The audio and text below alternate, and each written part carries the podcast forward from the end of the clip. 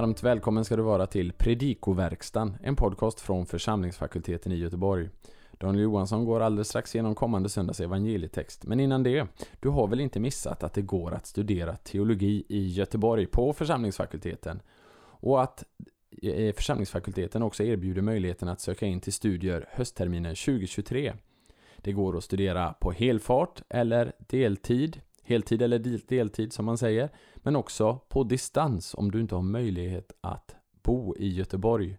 Mer information om detta, möjligheten att studera teologi på plats eller på distans hittar du på vår hemsida ffg.se. Sen vill vi också informera om bibelkonferensen som går av stapeln den 24 till 25 februari nu i vår.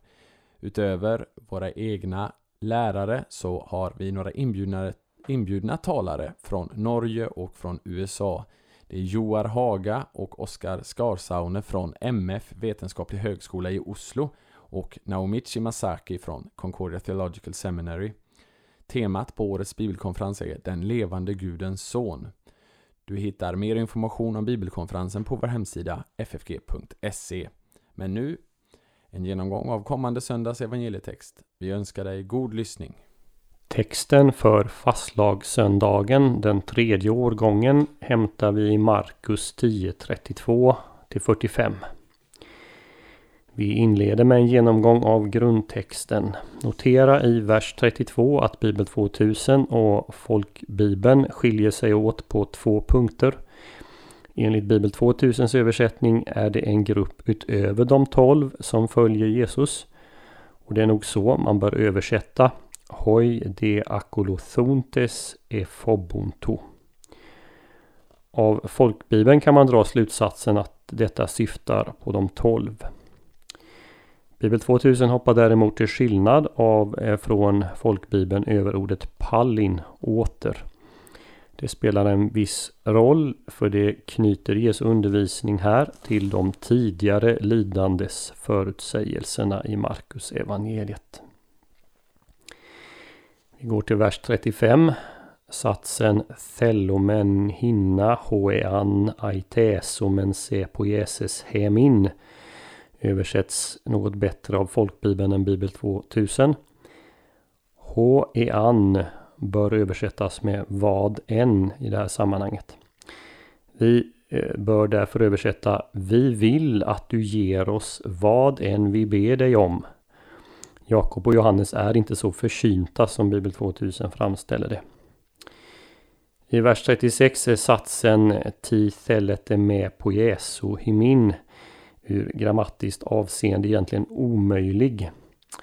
En del handskrifter har infinitiv på jäsai istället för aurist konjunktiv på jesu. Och det fungerar tillsammans med, eh, med pronomenet med i ackusativ. Enklast är här för att, här att utelämna med, eh, som ju också står inom parentes i eh, Nestle utgåva. Och dessutom tänka in ett underförstått hinna. Vad vill ni att jag ska göra för er? översätter vi. Notera i vers 37 att eh, det är verbet kathisomen, sitta, som används. Eh, vad som avses är alltså inte att ligga till bords vid en festmåltid utan snarare att sitta på en konungslig tron. Lägg i vers 38 märke till konstruktionen Dynnas de Piein Baptisthenai. Huvudverbet dynnas de, ni kan eller kan ni, följs omedelbart av det första infinitivet piein, att dricka. Och därefter följer det övriga innehållet eh, innan den andra infinitiven avslutar satsen. Baptistänai. Det är en slags inklusio här. Väldigt vackert konstruerat. Vers 40 kan förstås på två eh, sätt och de svenska översättningarna har valt olika. Bibel 2000 tar konjunktionen alla eh, i betydelsen utom. En ordagrann översättning av detta alternativ lyder att sitta på min högra sida eller min vänstra är inte att ge för mig utom till dem som det berätts för. Folkbibeln översätter alla med men och måste då supplementera med ett huvudverb som antas vara underförstått. Att sitta på min högra sida eller min vänstra är inte att ge för mig, men det ska ges till dem det berätts för. I det förra fallet tycks det vara Jesus som ger, i det senare Fadern. Vi går till vers 41. Verbet eh, aganaktein är detsamma som används för att uttrycka lärjungarnas missnöje med att mammor för barn till Jesus i 10.14 och att dyrbar olja slösas på Jesus i Betania i 14.4. I vers 42 noterar vi verbet pros eh, kalesamenos, kalla till sig.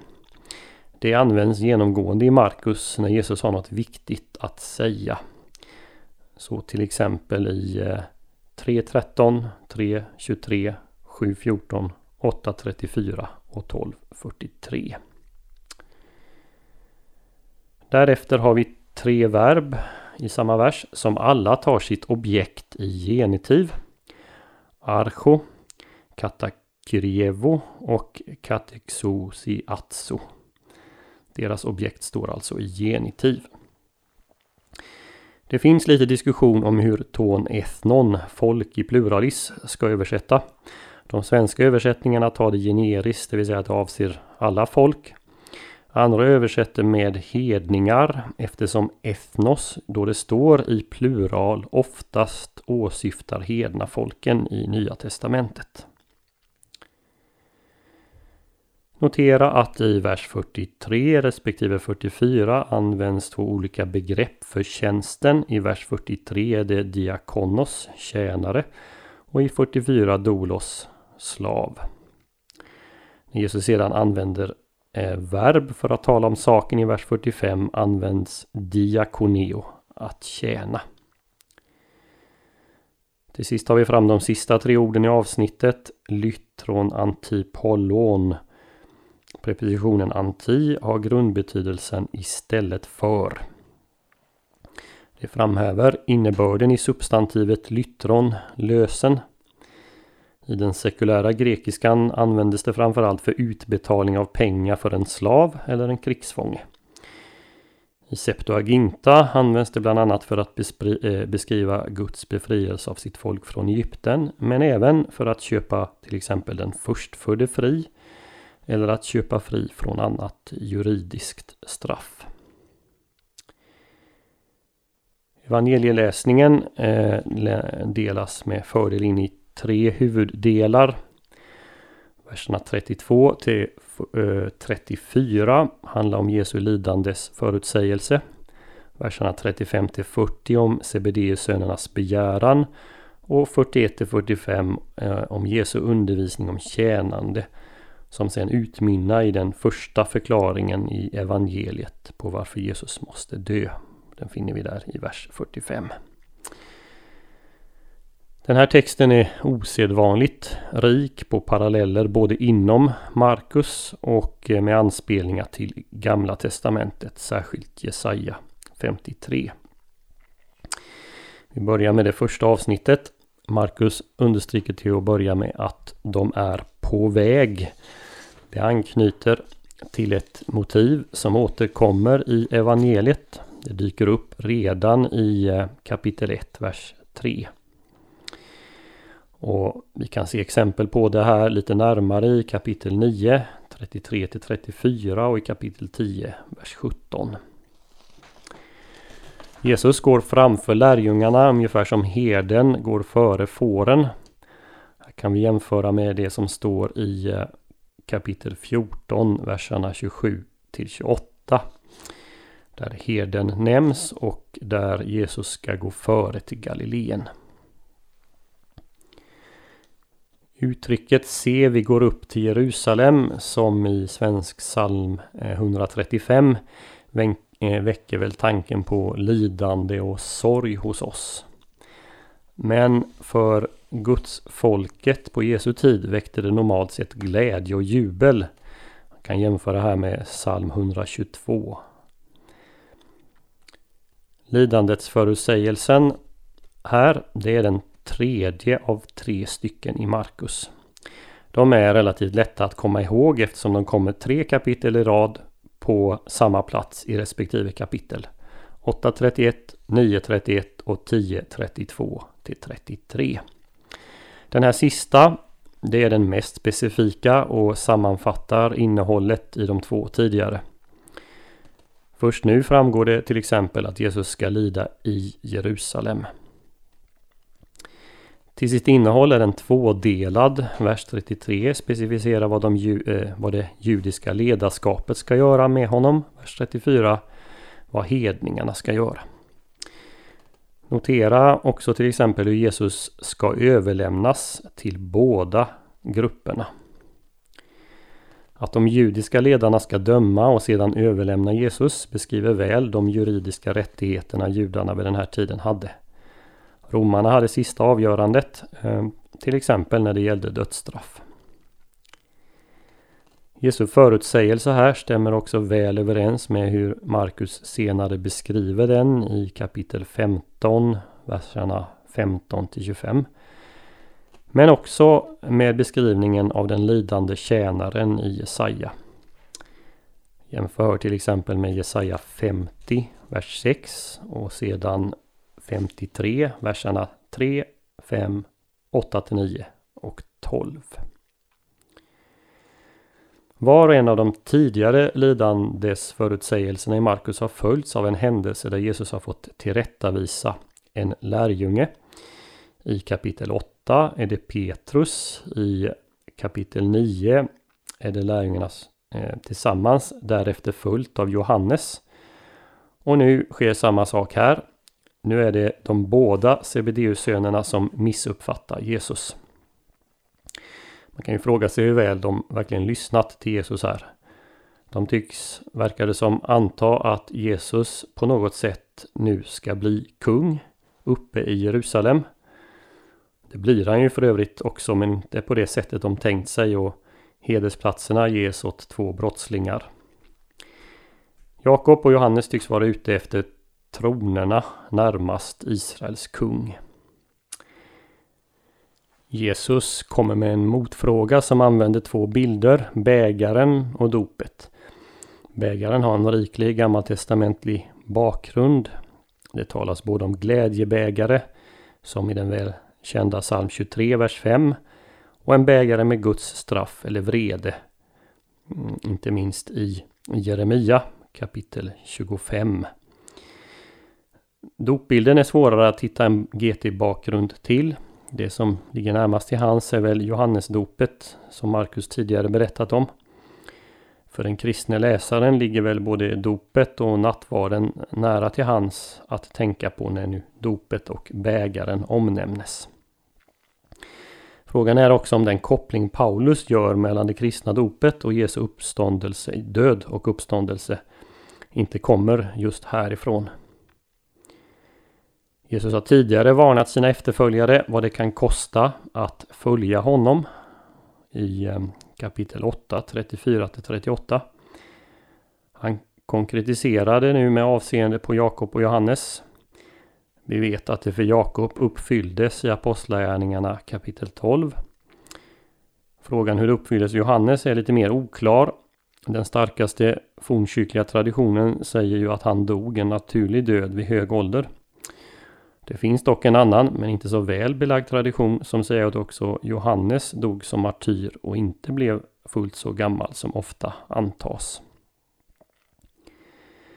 Sebedéernas önskemål leder till indignation hos de andra lärjungarna, vilket i sin tur ger Jesus anledning att tala om det inbördes förhållandet mellan Guds barn.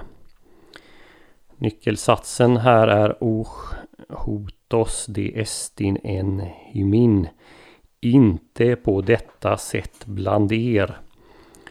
I Gudsriket gäller andra ideal än i världen. Gudsriket är på ett sätt den upp och nervända världen.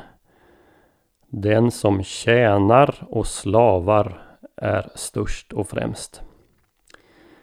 Den tidigare, tidiga kyrkohistorien visar ju hur detta etiska ideal så småningom faktiskt vände upp och ner på romarriket.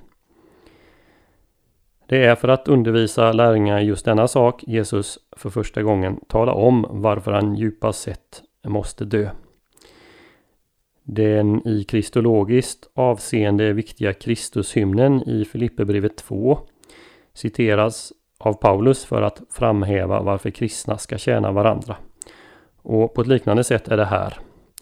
Konjunktionen gar, ty eller för, koppla ihop det Jesus säger i vers 45 med det som föregår. Tyvärr syns det inte riktigt i Bibel 2000 som inte översätter gar. Tre saker bör noteras om vers 45. Ehm, först, syftet med Jesu kommande i världen uttrycks. Hoios to anthropo älthen. Människosonen har kommit. I Markus finns en viktig parallell i 2.17 där Jesus säger Jag har inte kommit för att kalla rättfärdiga utan syndare. Flera paralleller till det här finns också i Lukas och Matteus. Jag räknar upp dem i den pdf eh, till den här podden som finns på vår hemsida. Och skickar också med ett boktips där. Den andra eh, saken att ta fram är anspelningen på Jesaja 53. Särskilt verserna 5 6, 8 och 10 12. Och för det tredje. Det här är då första gången av två Markus uttrycker syftet med Jesu död. Den andra gången är i 1424. Återigen i en anspelning på Jesaja 53. Där sägs det att hans blod utgjuts för många. Syftet med hela Jesu liv är att han går in i andra ställe. I de sjuka ställe och i syndarnas ställe. Vi hoppas att denna genomgång får bli till hjälp och välsignelse för dig som har lyssnat. På vår hemsida www.ffg.se kan du hitta information om hur du kan stödja fakultetens arbete, som till exempel den här podcasten. Ett sätt att stödja är att skänka en gåva genom Swish. Församlingsfakultetens swishnummer är 123 100 84 57. Alltså 123 100 84 57. Mottagaren som anges är Peter Isak Bens utbildningsstiftelse. Märk gärna gåvan FFG Podcast om du vill stötta just denna podden. Så önskar vi allt gott och Guds välsignelse.